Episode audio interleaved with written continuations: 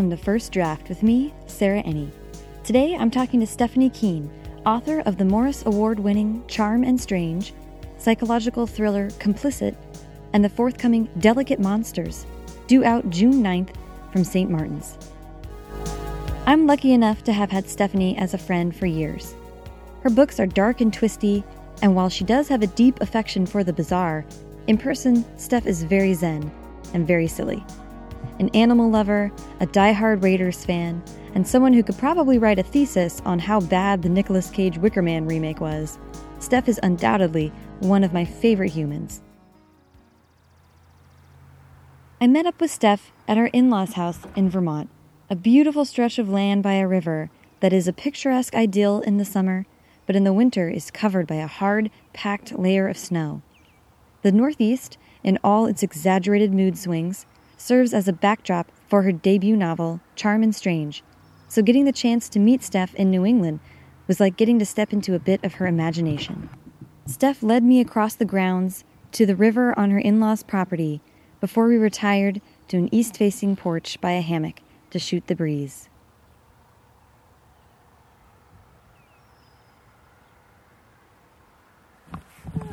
Um, so we are at this beautiful farmhouse that you get to come to. Do you guys come out here maybe once a year or so, or? Yeah, we usually come out in the summer um, when it's always gorgeous. Oh my gosh, Um, it's so pretty.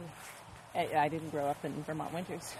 Oh, that's true. It's nice for me to come out in the summer, and it's beautiful. Um, our kids often come out here for a few weeks before us, so they get to spend their summers here. Yeah, it's beautiful. So what was? I mean, you did go to the boarding school in New England. I'm curious about how much you sort of romanticize Vermont versus you've actually been here and seen it and have your own complicated feelings about it. I think, well, in the book, I would say it's probably pretty romanticized. It's Mm-hmm. not too much. I don't know. I don't think there's too much commentary on Vermont. I mean, it's sort of set up as very quaint and pretty, and it's sort of in dissonance maybe to what's actually happening in the story. Um, but that's not, you know, it's just sort of, it didn't, none of the bad things took place in Vermont. Um, Right. That's right. it's just where he's sort of gone to get away from everything and Mm-hmm. reinvent himself. Um, so I think Vermont itself is sort of set up to be yeah, this sort of quaint Yeah. place, and it's pretty, and it just happens to be where the school is. I will say, so I have this picture of Will as like a 15 year old kid playing tennis, Uh-huh. and I was at that that picture, like that image, like right before I started writing Charm and Strange, right, and Win is a tennis player. Um, he's Will's got this very 80s like haircut going on, but it was sort of that was the image I had of like this is this golden boy, this tennis boy, Yeah. and that's who I'm going to tell this story about. That's cool. But it's a very Vermont picture and a very preppy boy picture. Probably creepy bugs down here. There Walking down to the. There is a river. I don't know how much water there is right now. They have a canoe. They have a canoe. They do. That's awesome. Ooh, I see the canoe. There's the canoe. Oh, there's the river. Oh my! Whoa. Whoa! What are you? What is it? Ooh, a big old bird. Yeah. River. Oh my gosh. pretty. So there's this bridge, and then Will's parents actually bought this property like oh. down Oh. there, this like old, rundown house that needs to be torn down. Oh wow. This beautiful property. I think they had this dream that we would buy it or live there. Yeah, build on it. It's so isolated here. I mean, this town itself is it's like 200 people, and that's probably a generous estimate. So. Wow. I mean, there's no stoplights, there's no stores, there's nothing. Right. There's like this little tiny church that's only open in the summer, and because they have an outhouse, there's no running water. Wow. Um, You guys double the population when you show up. yeah, it's very small. I mean, it's so- beautiful. It's yeah, it's absolutely beautiful. It's amazing to imagine Will like Will growing up like a person growing up here. I can't relate to living up living so far from things. No, I, that's what always freaks me out. Well, every time I, like, I come, like if there was an emergency, like Yeah. it would take you know the ambulance a really long time to get here. Like, what would you do? And they're like, you would just deal with it. I don't know, or you just. I that yes, it always boggles my mind, but obviously they're used to it, and I was like, "What are you talking about?" And then I sort of feel like, well, I think about, well, California, like we live in the suburbs and like it's pretty and there's lots of open space near us. And I actually, to me, it's perfect because I can, there are all these conveniences. Right. But I actually felt that too. Like when I was at boarding school, even the little town that I, that it was in was this, you know, suburb of Boston that's very wealthy. Mm-hmm. You have to be very rich to live there. It doesn't support people living there who would then serve the people there. So it's like everything closes at like 7 p.m Right. the town is just closed. It would always kind of get me like, like nothing's open. Like you can't do anything. Like what if you need something? And just this idea of like self sufficiency, which I think is a much more New England trait. Where California, we're like somebody serve me. you need to fill my needs. You know, we're there. It's like oh, you might have to plan ahead and like Right. go to the store. Right. Well, Before seven, it's not going to be open 24 hours a day. right. It's kind of a puritanical sort of yeah. Like, take care of yourself. Mm-hmm. But I do think it, the the New England and you know where I live on the East Coast is not even New England. It's sort of borderline South, and the New England nature is still sort of. I do still romanticize it a little bit in my head. I think. I think it's not entirely real to me. And seeing it here, it's so pretty. It's hard to counteract that. Right, It's I still know. Pretty romantic. I know. That's how I feel too. Even after you know going to boarding, like I still think doing the boarding schools are very romanticized. Even after having the reality of like, Yeah. well, do you still love reading? There's there's quite a few YA set in boarding schools. I you? love boarding school books. Like that's definitely one of my favorite Yeah. tropes. And you know, I know that they're I don't know a stereotype or cliche. Right. It, but there's definitely something about boarding school. I mean, that's why I wanted to go to boarding school. And same with summer camp. It's like Yeah. You live with your peers and like every dynamic that has to sort of be worked out in the mm-hmm. way that just i mean already in like adolescence like the way that emotions and every interaction is so intense and meaningful you know it's like relationships like develop and end in a week and are like but every like moment throughout your day is consumed with thinking about these things and these interactions and what's going to happen and how it's going to work out and you're just you know attuned to every little bit and it's like you live you're at meals every you know like breakfast lunch and dinner with these people you have that much more time to like obsess and Yeah. be wrapped up in it and so it's very intense in that way But did Um, you enjoy it or was it overwhelming? I did enjoy it. No, I enjoyed it. I'm glad that I only went for two years, and like Mm-hmm. the last two years, I you know I was a little older and a little more mature as opposed to going. I'm young from my grade anyway, so I mean I went as a junior, but I was 15. So Mm. Oh, really? to have gone when I was 13 would have been Yeah. I don't know. I would have felt like a baby. Um, You would have been a baby. I would have been a baby. I mean I was a baby at 15, but um, it's I did no, I enjoyed it for the most part. I mean I think there's a lot of feelings I have about class and elitism Mm-hmm. and privilege that are you know a lot of ugly things um, that support systems like that I guess end up getting reinforced Mm-hmm. um, I mean I think coming from California too I was sort of very shocked by some of the class divide Mm-hmm. um, and how much it mattered to people you know I guess you know not that it doesn't matter in California but I don't know. California kind of place where it's like you can you're gonna go to the nicest restaurant, you can wear jeans and a t-shirt. So it's like I was going to say Mark Zuckerberg is a is a t-shirt Right. and hoodie millionaire. yeah, And that's sort of what's happening, uh, especially in the Bay Area where, where you live and, and where your kids are growing up. Um, and where I grew up, it I knew that some kids at my school were phenomenally wealthy. Right. And I would see them go to their Jaguar after school, but in class they were still wearing Right. Stussy, just like I was. right, yes, So yeah, it's it is funny to see kids out here do go to Cape Cod. they summers. do, or they have debutante balls. But just that killed me. I was like, are Yeah. you kidding? Like that's a real thing. Um, and just sort of watching. Oh yeah, I mean, just some of the money Yeah. and hypocrisy around that. And I think just social issues again. I think coming from the Bay Area and from Berkeley, you kind of live in this bubble and you assume everything's the way that Yeah. you know, is sort of politically Right. the way that you think. Right. Um, and then like not only like okay, wow, not everybody is a Democrat, uh, but just people who identify as being progressive still not really Mm.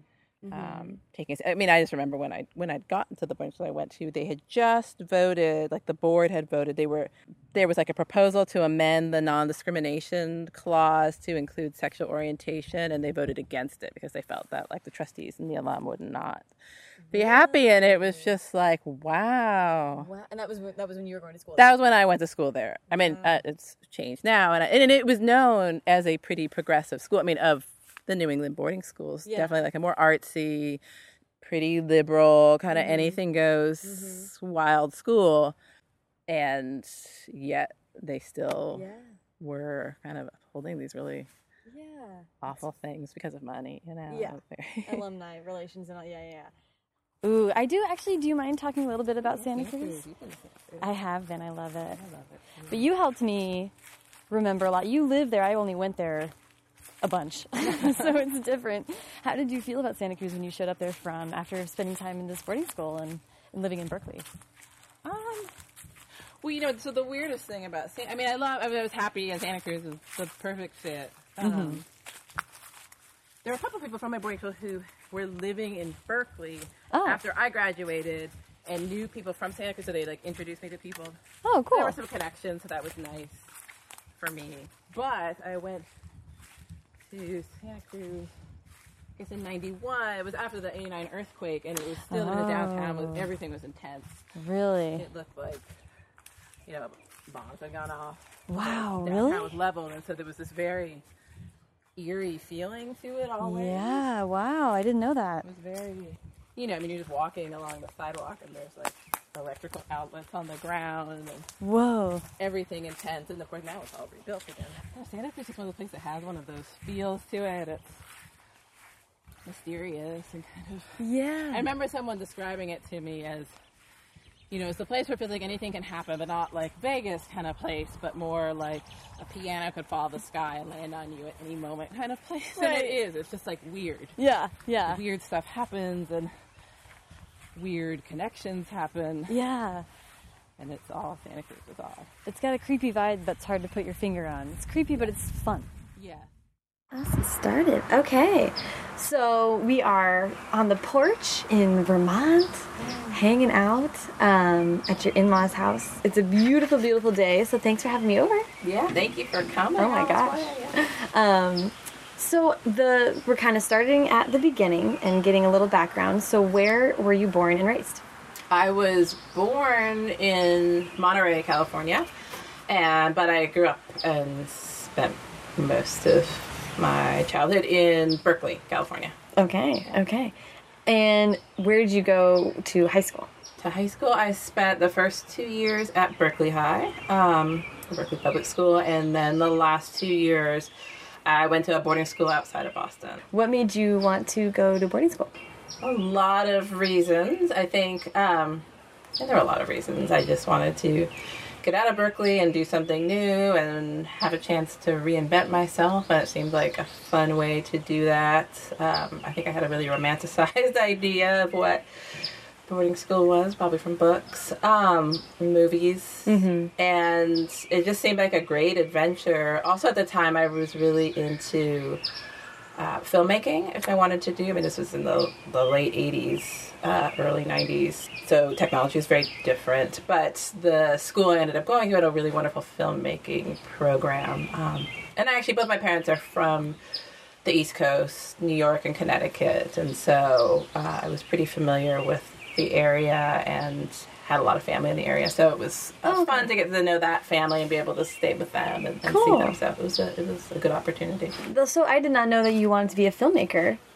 That makes a lot of sense because you love movies. I do. Um, what were were you making short films? Were you?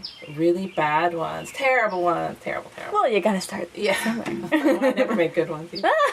Um, but I love it. I just love the idea, and I love the process. Like for me, for me, I always just loved the collaboration and the actual process of like working with people, and then working with the technology that we had. I mean, there was actual film, and then we are also starting to do video at the time um, with these really giant cameras.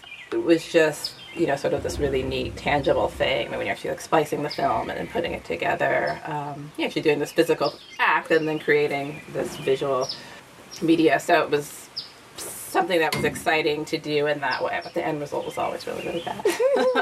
but I loved it.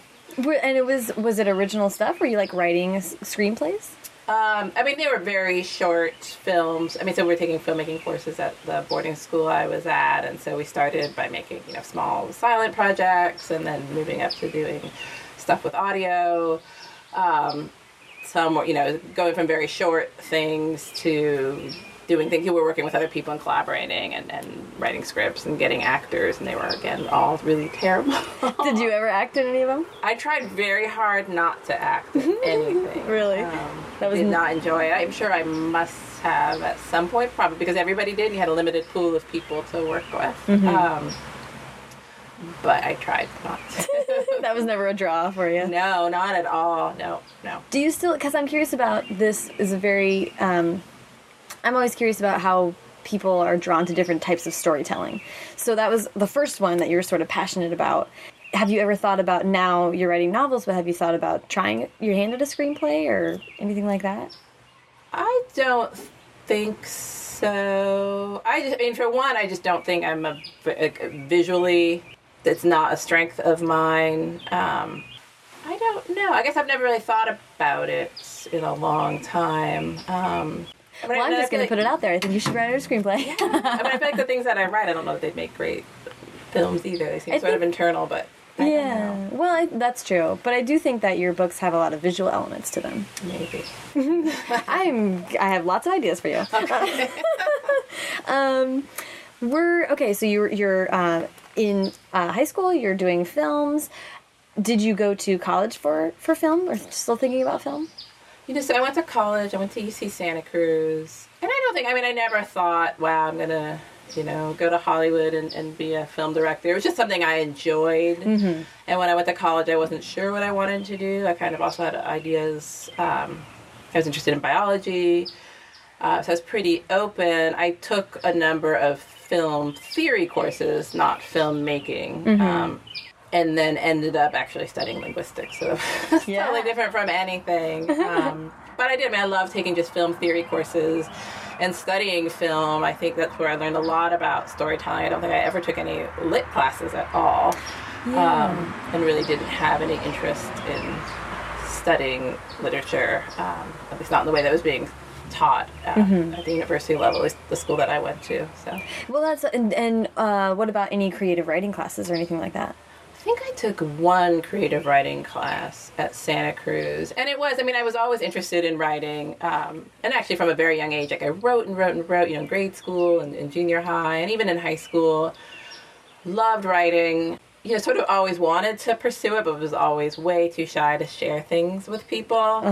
So I think that was part of what held me back from really going, like thinking seriously about taking any creative writing courses. Um, I, I took one, and it was fine, but I do remember just being really shy and nervous about it, and feeling like I didn't know what I was doing at all. So it just didn't, wasn't something that um, I pursued, and just would write for myself and enjoyed that. But Yeah, that was yeah. it.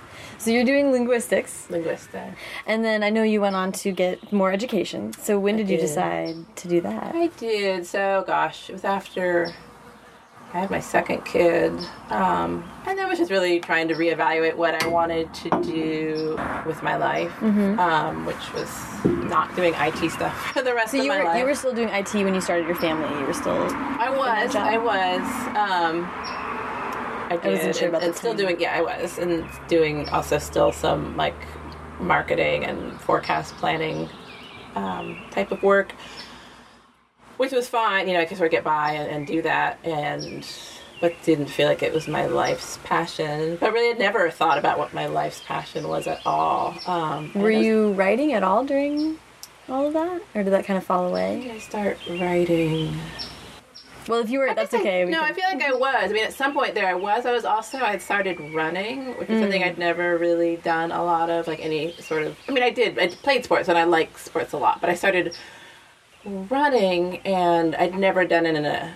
Uh, like setting goals for myself and. Um, you know, training for those goals and trying to meet them and working Yeah. really hard and really enjoying that and realizing that there were a lot of sort of uh, lessons I could take from that and apply them in other parts of my life where I sort of felt like I was just sort of coasting by and taking this path of least resistance and then realizing like, wow, no, life is sort of more invigorating and exciting when you're actually pursuing goals and going after things, whether you get them or not. Like there's a lot of um, like vitality and, and yeah. confidence that comes from that. And so I decided to leave my job and go and get a master's in sports psychology. Um, ah. Which I was very interested, sort of, in the way that you can use these mental skills to enhance physical performance, mm-hmm. which is what that degree was really focused on. But as I was there, I got interested in clinical psychology and kind of the flip side of how you know sports and exercise and sort of pursuing these athletic goals can enhance mental well-being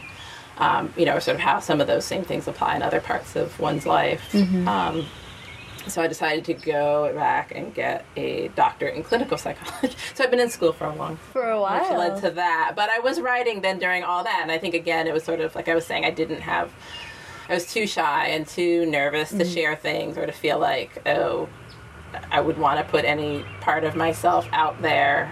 But I felt like I was in a place where I was sort of more interested in taking those chances and willing to kind of try and, and see where I could go with it. Yeah. And, um, so I think that's where I got more confident about just pursuing different goals with my writing and, yeah. and getting back to it and was there ever a break then in writing, or was it always sort of happening? So yeah, so when I went to college, I was like I was interested in writing, and I had this professor, my advisor, who was a creative writing professor, and he was an author. Mm-hmm. Um, and I must have shared some writing with him because he was very encouraging um, and really sweet.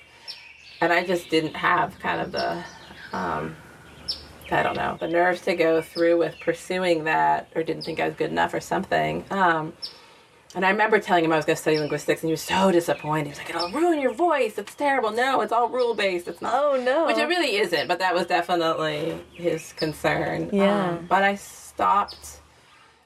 I mean, at some point, like after college. I mean, I don't think I wrote, but I tried to find other things. I think that were something creative. I mean, I always was trying to find some creative side to my life. I, uh, I mean, my friends and I, after college, we used to make these goofy videos all the time. And again, it was just that, like, that enjoying that process of coming together and collaborating and doing something creative mm-hmm. with friends, mm-hmm. even if the end result was just ridiculous. Yeah. But it was just fun in that moment. Um, I also I played the bass and I was playing in these jazz groups in Berkeley.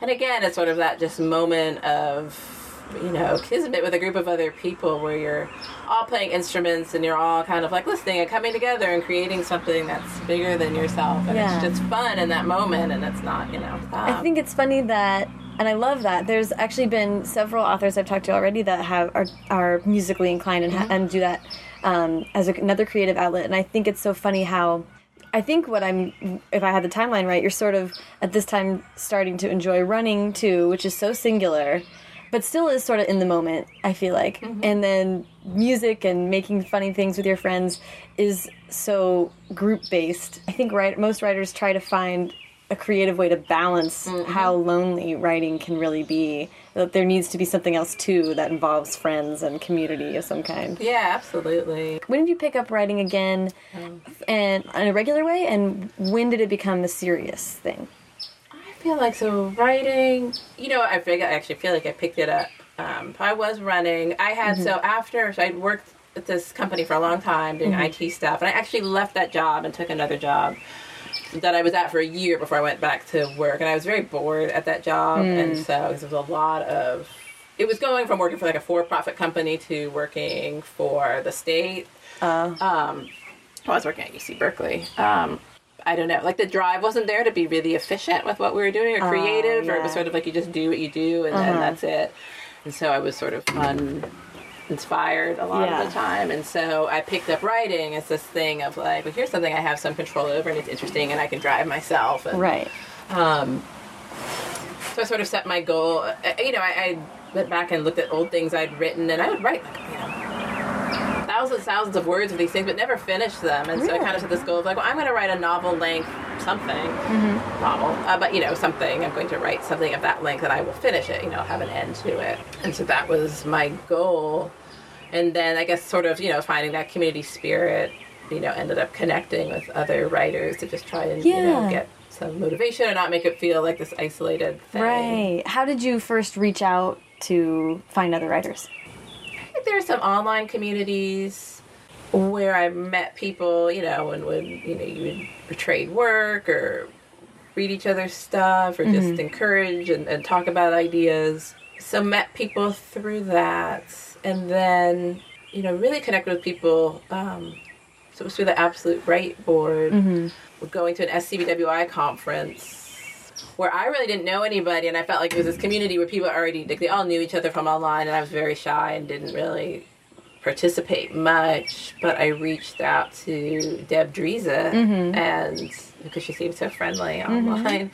And said, you know, I would like to come down to this conference. I don't have a place to stay. I don't really know. And she was like, oh, we have room in our room, you know, here. She hooked me up with Corrine Jackson, another author. Mm-hmm. I was like, she's coming from San Francisco. You guys could ride together. We didn't know each other, but, you know, instantly hit it off as friends. And so, yeah, I stayed with Deb and Veronica and Yeah. Yeah. Corrine in this room and, you know, met these friends that I'm so still cool. friends with. So, yeah, I mean, it was very random, but just worked out. And in terms of finding that, you know, yes, writing is this lonely thing, but Mm-hmm. there are other people out there that you can, even if you're not collaborating with creatively, you're still talking about creating and that it's still vibrant and Yeah. exciting. There's and- a kind of kinship with Yeah. the the process.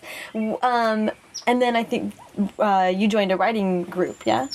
It was after that Corey started a writing group in San Francisco. Um, and so, yeah, we were part of that for a long time. It's no longer, but yeah, I think we, probably had it going for a couple of years. And still, I mean, good friends with the people from Yeah. that group. They're very sweet. So, And that did that was like um, a pretty, from what I remember you saying, it was a pretty like structured group. Like it was encouraged you guys to bring new stuff and yeah, we would all bring new stuff. Um, how did we have it structured? I guess everybody would submit beforehand um, a chapter of work, and everybody would read each other's stuff, and then we would go. Yeah, we had it very structured because we had a number of people in a limited amount of time. Um, so we had, you know, people were getting feedback like they'd have to be quiet while people were talking, which was actually neat. I mean, sort of hard at first, but this idea, like when you were actually sitting and listening people talk about your work, and all of a sudden they're not just giving you feedback, but they're having a conversation with each other about, well, this is what I understood, this is how I felt, and like it becomes this thing where you sort of realize, you know, your writing is something that's not you,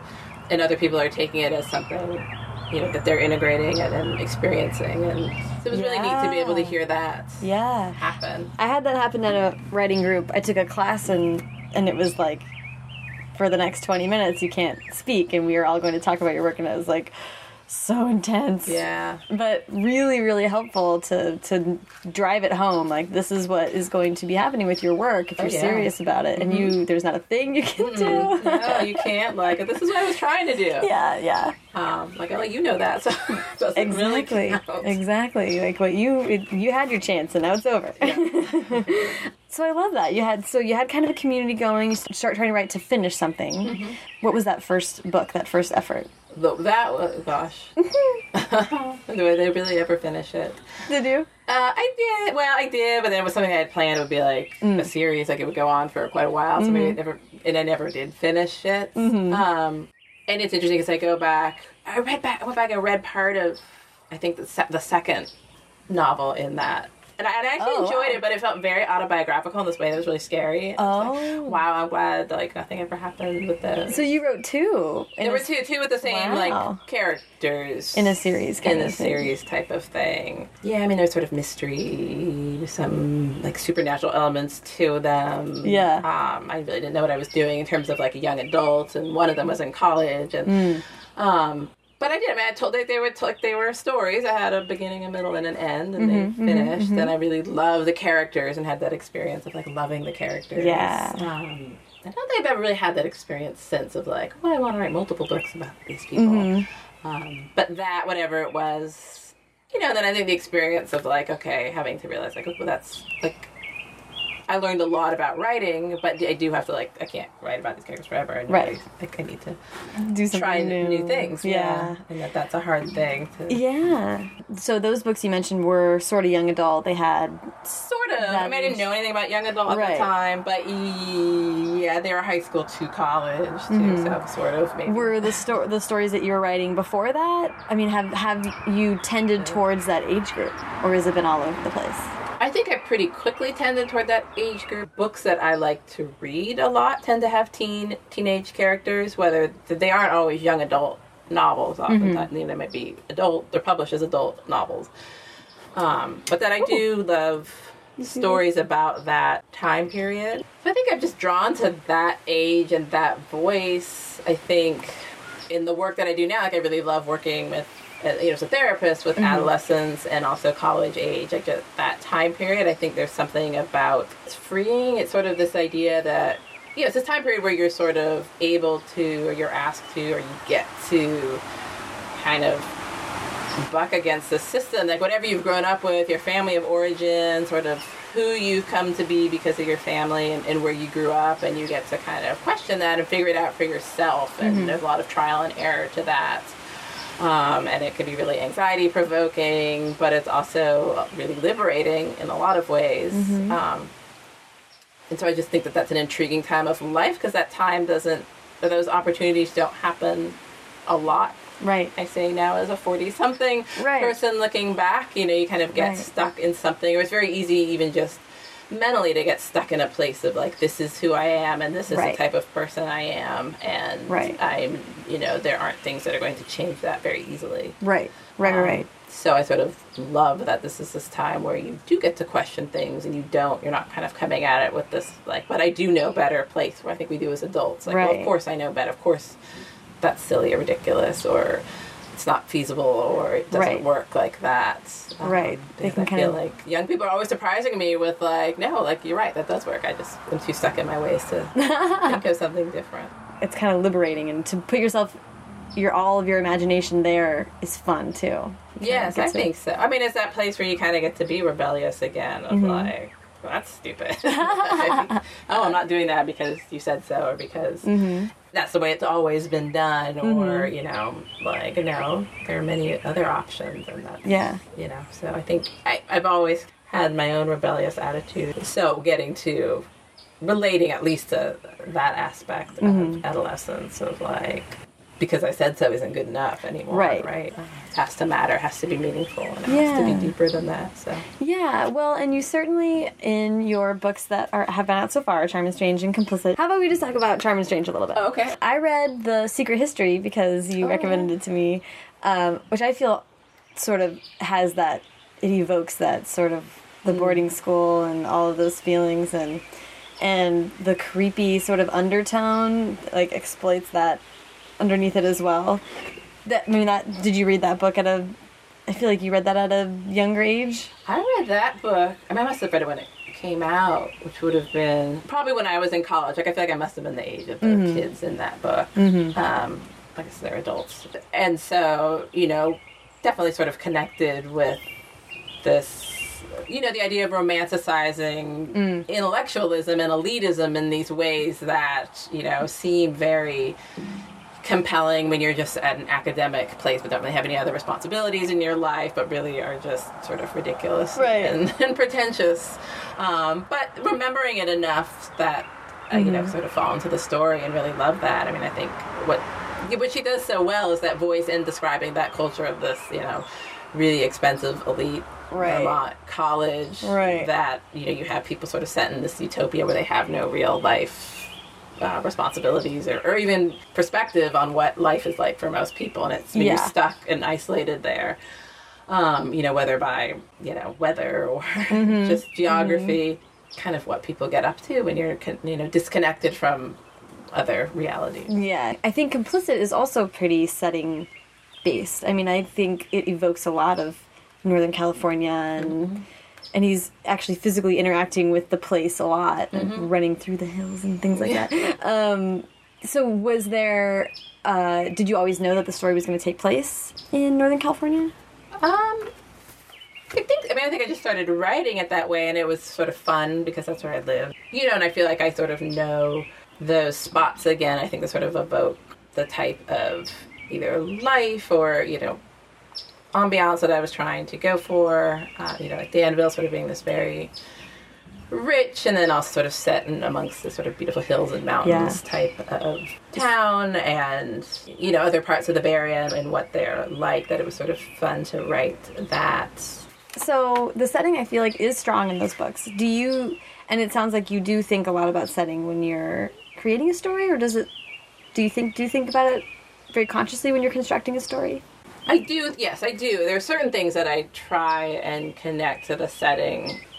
And in terms of like when I like how I picked where I was going to set them I think that just sort of just came naturally like with both stories that this, that's just where they were going to be told but then really wanting to bring those settings alive like the things that I knew about them alive so that it felt distinctly there. Um, you know, I say I live in Northern California, so I feel like I know kind of like attitudes and what people are like and um, ways that I wouldn't know somewhere else that I haven't lived, um, which I think would be a lot harder to write. And so it's sort of fun to put those just little nuances or pieces into the Yeah. book. Um, You know, places like Mount Diablo, which is in Complicit. And I love Mount Diablo. Like, it's just neat. So it was for me, it was fun. Like, I, I want to see it in a book. Yeah. And I love Rock City and, you know, kind of just how fun that place is. So it's just sort of a joy to put it in and wanting to, like, Yeah. put these details in because I think it's such a cool place. And so anything I can to sort of bring that alive. Yeah. Did you go back and visit Mount Diablo and Rock City while while you're writing or while you're editing? Did I go to Rock City? I definitely went to Mount Diablo. Yeah, I mean, we've gone to Rock City a lot. Mm-hmm. There was a big fire while I was writing, which is actually sad. A big fire on Mount Diablo. That's right. I remember that. How, and you, you know, you mentioned you live in um, Berkeley area. How that and that area is full of creative, really interesting folks. Do you think that that, that living in that area fuels creativity? I, it, well, there are a lot of creative people. Um, I don't know if they're just sort of drawn to that, or you know, it's just a place where that type of person can sort of find other people who, or that there's support for different creative pursuits. Um, I don't know. I mean, I don't live in Berkeley now. I kind of, you know, I live out in the suburbs, and but I don't know. There's creative people everywhere. I guess Yeah. I feel like they, they seem like they're everywhere. I don't know. Um, and I don't have that much of a connection to Berkeley in terms of my writing. Um, yeah, it's where I grew up. My dad's, well, he was a journalist for a long time. He's also a writer. But he knew tons of writers in the Bay Area. Um, and I knew, you know, that was sort of like coming in and out of our household when I was growing up. Like really interesting and creative people, poets and people who did documentaries and all sorts of interesting Wow, things. that's I was like, cool. How do you make a living doing Right, right, right. writing screenplays. But there are, I mean, there are, it is neat but there are a lot of, I'm just thinking in my own family, Mm-hmm, um, like just right now, people are involved in theater and, and screenwriting and, and all sorts of interesting things, you know. Yeah, so people around you sort of engaging in the in their creative lives, whether for a living or for Right. fun. Yeah, so it's not some weird thing to Right. do that. The so I think that's really cool that you grew up with in a house where there was a lot of specifically that you were introduced. Your dad was a journalist, and you're introduced to a lot of other people that are writing for presumably for a living or for for serious. um, um, because I don't think everybody grows up thinking that writing is something that like that that books are created by normal people. I didn't grow up feeling like authors were normal humans. so but that was always there for you as something that people do and that that's a, a way that you can express yourself. Yeah, for sure. Definitely. And all different types of things. I mean, I think so. My dad worked for the San Francisco Chronicle, and he was the editor of this section called the Sunday Punch, which had a lot of like freelance columns and free. So it was just, you know, random. I mean, he had some regular columnists, and also, you know, people's stories that you pick up and, and print. Um, obviously, we have websites that do, Yeah. that, do that thing now Right. um, not the newspaper, but then it was this big mm-hmm. thing, and he was working with people who were doing creative writing, you know, as opposed to like investigative reporting, doing all sorts of interesting things, or you know, sometimes they were reporting about things that nobody else was going to talk about. But yeah, I mean, it was. I mean, one of the things that he did that was really interesting was he had somebody who wrote for him who was in, he was an inmate at a federal prison. Uh, he was a bank robber, and he, but he was a writer. He would write these beautiful columns about life in prison and what it was like. And he was a gorgeous writer, and his work was beautiful. Um, Wow. And they actually got caught up in this huge legal case and ended up writing a book about that called "Committing Journalism." Um, The your dad did, my dad and this um, and the inmate. and the inmates. Wow. Um, it, it turned out there was some like federal law that prisoners couldn't write under a byline that they Really? tried to stop him from tried to stop my dad from publishing this guy's work and Wow. so it was this whole first amendment right Yeah, case. absolutely. and yeah so it turned into this big thing but this guy was still writing these beautiful beautiful Yeah. articles um, i mean i don't remember everything i was very young but he'd written a column about how he used to feed these squirrels like he'd say feed feed these squirrels at the prison and, and they were tame and um, i think you know when the, the wardens at the prison found out they poisoned all the squirrels and um, it was after that so after he said something that criticized Right. then that's when they tried to make him stop writing these articles Wow. Um, I'm totally gonna look that up. yeah, so it was very interesting. Yeah. Oh my gosh. So, you know, I mean, just so seeing people who, no matter what their circumstance or where they are, but who just wanted to write Yeah. and had stories to tell Yeah. um, was really interesting. And that guy, the inmate, Dannie Martin, I mean, he was out, he got out of prison eventually and he passed away uh, last year. Um, he was very sweet. He read Charm and Strange too, and he's very sweet. He had some really did? sweet things to say. Yeah, That's it was really nice Aw, to, cool. to hear from him because he, you know, he, he remembered me as this Yeah. little kid and me reading his writing. Yeah, it was really Yeah, neat. So. Wow. I'm interested in uh, you start writing for serious, and you have three kids, and you're going to gra- to you're in a PhD program, and you're like working full time at, at least for part of it. How do you how did you get any books written at all? well, I wasn't working full time for most of it. Okay. Um, I was when I was writing Complicit, so that was difficult. Mm, but mm-hmm. uh, for most of it, I mean, I've been at school part time because of the three kids, and then so it's taken me a very long time to mm-hmm. do it. In a way, I mean, it's sort of that just needing that balance in life of like that. it's So school, and I love it, and working, and love that. You know, mm-hmm. working as a therapist, and you know, as you go through training, you do sort of all these. You know, you, you work at these different sites and, Yeah. and get training experience. You know, while you're supervised and, and gather these hours. Um, but it was only full time for one year, so that was all part time. Um, but needing something creative that I was doing as well, just as a balance to kind of you Keep know, whether you- it's something intellectual or analytical or you know, I mean, also obviously therapy, something emotional, and, and Right. doing that kind of work. But then needing something creative to produce something creative as Mm-hmm. well. Um, so I don't know. For me, it was always a good balance of like here are these different things that I enjoy and am passionate about in my life, and I'm going to balance them. You know, then kids are sort of that in the moment, present kind of joy. right, right, right. Um, unpredictable. yeah. Um, you know, it's not like you can sit down and say, I'm going to do this with my kids today or have Right. these experiences. You kind of just go with it. you can, but right. They're going to do what they want. you could try. Um, so what what was the actual what did you end up with a routine that worked for you or was it kind of writing whenever you could fit it in? I think all I'm trying to think. I mean, probably writing when I could fit it in. You know, it sort of in sort of these bursts. Um, I'm just trying to think back of like, you know, if I really had an idea and I was super into it, just sort of being sort of obsessive and frantic and scribbling it down whenever I could, Right. And then, you know, and then revising and learning how to revise and doing that at a, you know, at a different pace and, um, you know, working with critique partners and whatever. There's big gaps and months in between having the next idea that I'm really super passionate about. So, Yeah. you know, there's sort of those ebbs and flows to that Yeah. that way. Yeah. Um, you know, I think now it's a little different. If, you know, there's deadlines or things that you have to meet, then it's balancing that. But Yeah, how does that work now with you were working for that year when you wrote complicit Mm-hmm. and i think i think we've talked before that you would just get up really early, really early and do that, and that Yeah. was very hard. Um, yeah, so that was more like I have to be disciplined and right do this and and accept I'm only going to get this much done in a day. Like I'm just not gonna. When I got home at the end of the day, like I was not gonna write or Right. even try to write because I wasn't gonna be able to do it. It would be really just too scattered or yeah never see my family. Um, right right so being able to like let that go of just like it's just going to be at this time and Yeah. that's what I have and it's going to take me that long because of it um, was hard to accept but that's just what it was Mm-hmm. Um, so yeah so I found that very hard so people Yeah. who who work full time and write like my my hat is off to them Well, right, and with and kids and families and all that stuff. Yeah. What? How does it change? Or were you under contract with Complicit? yes Okay, that was so that did also have the deadline. Yeah. So you were you were dealing with that too. That's crazy.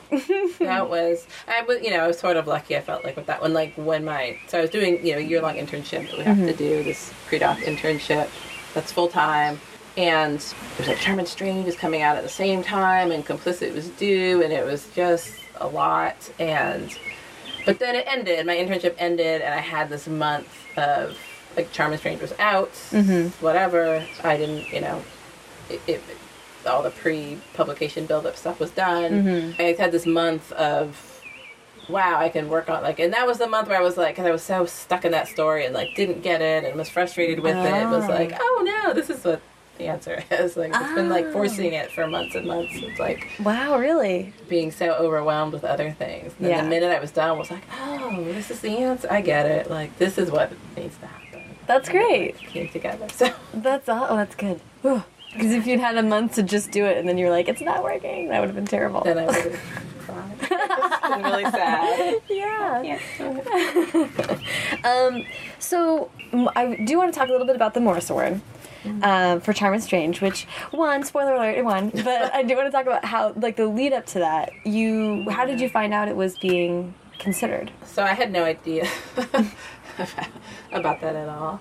I mean, I knew obviously what the Morris Award was, but I didn't know how it worked or how the the process was. Um, but I didn't know that there was like an, an that they announced the nominees for the award ahead of time. Um, I just didn't know that that was something that happened. So I just assumed that they like the other awards, Right. they just announced you know the winner on the day that the awards get announced. Right, right, right. Um, so yeah, I mean, it was very random. It was like a, it was like a weekday in December. I just remember like I was driving home from dropping my kids off from school. I was probably still in my pajamas. I didn't get out of the car, and I got a phone call from my editor at like eight in the morning. Oh, wow. And, and she told me she's like, "Oh, I got, you know, I got." Was nominated for this award. And Wow. so yeah, I mean, it was, but it was just out of the blue for me. I didn't think. I mean, it was wonderful, but totally out of the blue because to me it felt like it was this book that kind of came out and nobody noticed it, and it was it wasn't really anything anybody paid attention to at all. um, so, which is fine. I mean, I sort of made peace with that. It had come out like six months earlier. Uh, you know, sort of was what it was, and then suddenly people were paying attention to it, and so that was sort of this weird like jolt of like, oh, Right. well, that's strange. Right. Um, And then the, and you knew when the awards were going to be announced, which I, was it, when was that? oh yeah, you were there. I was there. it was ALA. It was ALA midwinter. It's end So of January. was- yeah. Um, so that's pretty kind of quick. So you knew you, you found out you were in uh, in the running for it, and then Yeah. you kind of had to make plans to. You actually went to the ceremony, Yeah. so and and to the conference and everything. Mm-hmm. So, what was the feeling getting ready to go do that? It's a it's a it, it it's crazy that it was sort of a surprise because then it's a lot of anxiety that comes along with that too. Yeah. I mean, I think, you know, I very quickly put it in my mind as like this, wow, it's this wonderful thing, and I'm just going to appreciate being nominated. Right. And, you know, Right. of course I'm not going to win. And, you know, but if you do, that's great. But, Right. like, it's this awesome And thing. don't set yourself up for. Right. Yeah. And I didn't. Well, I didn't think I would win either. Um, yeah. So it was like I'm gonna go to, the, and it was nice because everybody went, and um, it was wonderful. You know, we all got to meet everybody, and it was just a really lovely celebration. I think that's sort of the spirit of Yeah. all the awards, all the ALA awards. It's Yeah. a celebration of reading and readers and books, and uh, you know, yes, they have you know winners, and Right. that's awesome. But it's really a celebration of all books, and- Right. And, that's this fun environment to be in. Um, Yeah. You know, it's not something that you can feel competitive or stressed out about because there's absolutely nothing you can do about Right. it, and you have nothing to do with it. So right. No control. Just appreciate what it is, and, Yeah. and so. But I mean, I think there is just like nerves of anxiety of like being there at all, or feeling like people are evaluating you differently, maybe than Right. they were before, or evaluating Right. your work differently. Uh, which again is good is a good thing, Mm-hmm. um, but it is anxiety provoking. You know, we had to give a speech, so preparing for that was anxiety provoking as well. What was your speech about? Well, I mean, I think it was really an appreciation, obviously, for the committee for, for honoring the book and speaking a bit to why why I wrote it and and who I wrote it for and you know what it means to me that it'll you know be Yeah. to, to be honored in such a way and that it has a chance to sort of be in, in, in more libraries and, Yeah. and read by kids who might need it so Yeah. that's a really important thing to me i mean that's everything So Yeah. When did you first see your book with a sticker on it? I saw it. Well, like physically see it with a sticker on it. Yeah. Um, at ALA, there was like the award ceremony where they announced all the bands where they're announcing, you know, Newbery and the Caldecott and the Printz and, and Yeah. all the awards. Um, but then there was a ceremony for the Morris and the nonfiction award. Um, that's like an hour afterwards. And yeah, that's where everybody was. So for both those awards, uh, I think there were five authors for each one, and you know everybody was there, and everybody made a speech, and then afterwards everybody did a signing, and so they had the books there with the sticker on. them. so yeah, so that was very exciting. Wow, you to see. immediately got to and then sign it with the sticker on and Yeah. everything. That's so special. That's so exciting. Yeah, it was. I mean, it was super overwhelming, but yeah, somewhat shell shocked that whole morning. Yeah. Yeah. When did you sort of I don't know, how do you looking back on the experience, what does it mean to you? What does it mean to me? I know mean, this is a yeah. sports journalism question. How does it feel to win the Super Bowl? But I'm curious about what what having that honor and having the book community say your book is important. Yeah, I mean, I think it means yes, it does mean a lot. I mean, it means a lot in that hopefully more people will get a chance to read it or mm-hmm. will read it, which is special. I think, yeah, for me, it does say that there's something special about the book that they recognize, which I appreciate. I think it's a tough book. It's a tough, tough book to love. so I appreciate that they, you know, would honor a book like that. Right. That's not about happy things or happy Right. endings or easy answers or things that are comfortable to read about. Right. Uh, Right. So I, I love that they, you know, the committee sort of were able to say that there's a there's a place for books like that and stories like that to be told. Yeah. Um, so that means a lot to me. You know, really, when I think about most, it's like what it means for the book, and I love Yeah. the book, so I think that that's special. Over our friendship, you have given some very strange recommendations Oh, for yes. movies and books. so I actually am curious if um, I think movies are the the the thing that you've enlightened me to many many a movie that I have not seen, which is interesting.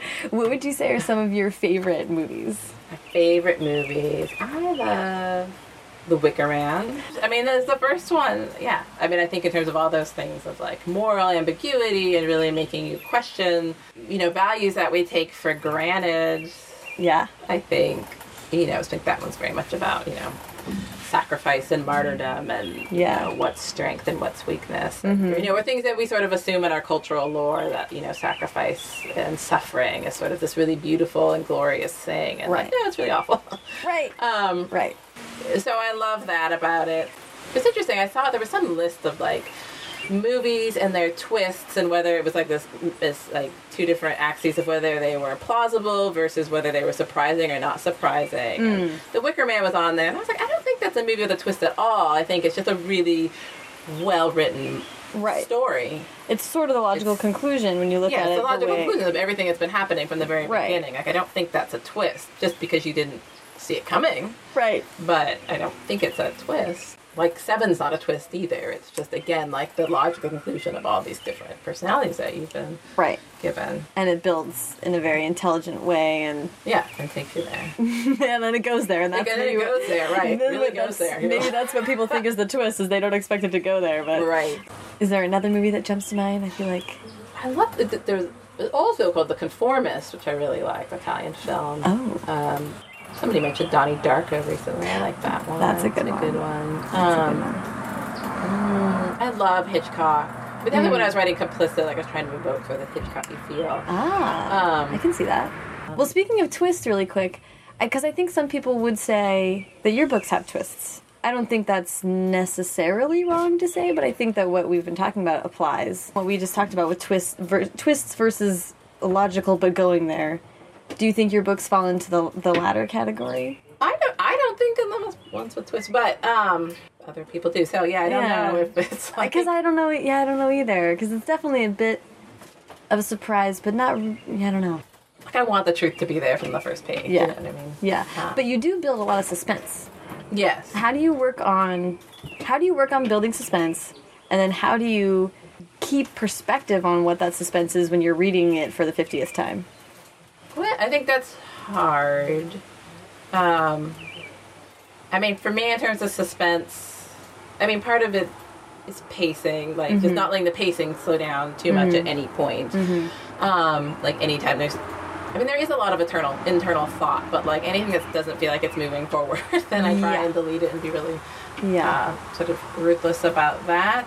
I think, you know, there's numerous mysteries or things that are trying to be figured out. I mean, you know, or, or having a character thinks they know what they're trying to, what secret they're trying to uncover, and really maybe it's something else. Um, but I want them all to be, yeah, I don't know. I mean, I think a lot of the suspense comes from that dissonance between what the character thinks they know and what they really know. Yeah. Um, yeah. regardless of what the reader knows. I mean, I think I sort of try and not really pay attention to that. Right, and the unreliable narrator, the being able to to put in that obvious contrast every once in a while, making that contrast clear to the reader, which I would say you do very well. So, Thank good you. job. um, and and last question, I think, is if you wouldn't mind giving some advice. What advice would you give to fledgling writers? Oh, fledgling writers. Yeah. Um, I think more than anything, trying to like whatever it is that you're scared of writing or feels most risky, most risky. That that's what you should be writing. Uh, you know, like write. You want to write something that's different than what everybody else is writing, Yeah. and write it in your own way, and write it with passion. Like you have to be passionate about whatever it is. And Mm-hmm. so I think there are those things that feel safe, and there are the things that feel really unsafe. And the unsafe ones are the ones to write. Yeah. Um, Yeah, Because that's what's interesting. Yeah. What people want to read about. So yeah. So that, I mean, I think that's my biggest advice. Other than that, is just keep writing. I think during all those sort of maddening times, at least with like publishing stuff, when Mm-hmm. you don't know what's happening or you're waiting because you're always waiting for something, yeah, to be writing something else that you're more excited about than whatever it is you're waiting on. Go write more things that you love yeah. and be proud of those. Do you feel like your books are? I, I was because I was going to say they're also times of life, like they are almost mementos of a period. They're like pictures that you. It's a time that you can remember but can't ever go back to. Do you feel like they are tied to something that you were dealing with at that time? Yeah, but probably not in ways that seem o- that are overt in Right. any way. Well, I hope not. yeah, right. Um, there's sort of underlying questions or right, feelings or ideas. Right. I think Charm and Strange has a lot to do with my ideas about how people change, like under what circumstances does change happen. Change is a big that and sort of isolation from others. Um, you know, if you really feel like nobody else experiences the world the way that you do, then like, are you human? Like, what are you? right.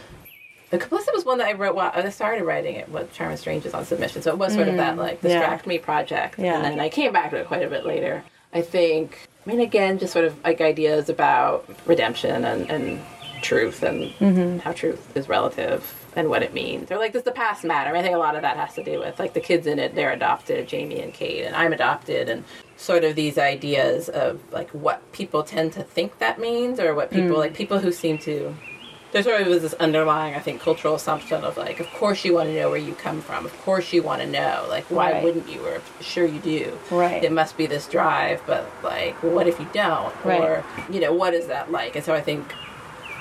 And, and does the past matter? Like, does the past really matter at all? You know, we sort of always say it matters, and Right. it's always interesting for me. I think being adopted, and people talk about like genealogy and looking back and talking like, who cares? Like to me, like just like, what does that matter? Like, Yeah. what does that mean? Or it means something to somebody, but it's some Right. way that like I just don't even understand what it could possibly mean. And Right. so I think some of those ideas and questions about like, does Yeah. it matter? Does it even matter? Yeah, Um, or you just saying it matters and then you go and pursue something that you've decided is important because Right. in hindsight you've decided that's something you care about, but it doesn't actually matter at all. So I think that and definitely there's like little pieces about adoption I think that are in there that uh, in Jamie's voice Yeah. come through that are some of my ideas, or Yeah. you know the way people talk about adoption, or the way that it's seen as sort of like this charitable thing, right? That Right. like there's a you know rather than a mutual two way thing. Right, that Right. it becomes this thing of like, oh, of course, we feel sorry for you know, someone feels sorry enough for you to adopt you, and like that's the way that it's Right. Yeah. you know, yeah. Yeah. with the whole adopt a highway or adopt a thing, right? It's like Yeah, an, an I- act of goodness that somebody does uh, for some sort of altruistic reason, not Right. because They want. so nobody's ever would assume you have a child for because right. So Right. that's all very screwed up. Yeah. Right. Right. Right. Yeah. And and the way that people unconsciously talk about it. right. It's just the language that Yeah. we use Yeah. for it Yeah. that becomes that then sort of reinforces these different ideas. Interesting. I think some of those Yeah. Yeah. feelings yeah. are in there. I mean, it's not like the point of the book, but it, Right. it's in there. It's in there. Um. Well, thank you so much. Yeah, thank you. Yay. If I-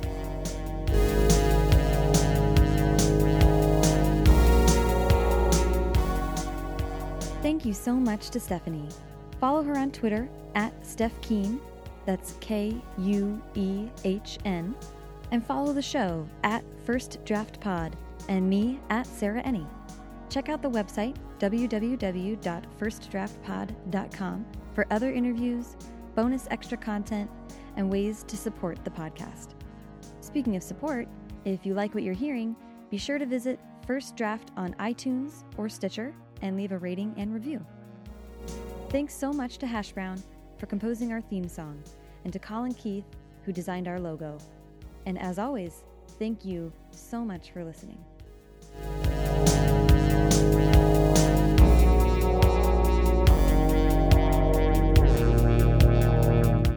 Maybe we'll put a pin in that. Okay. Ooh, I have this like very vague idea of what I want to ask, and it's not coming out very well.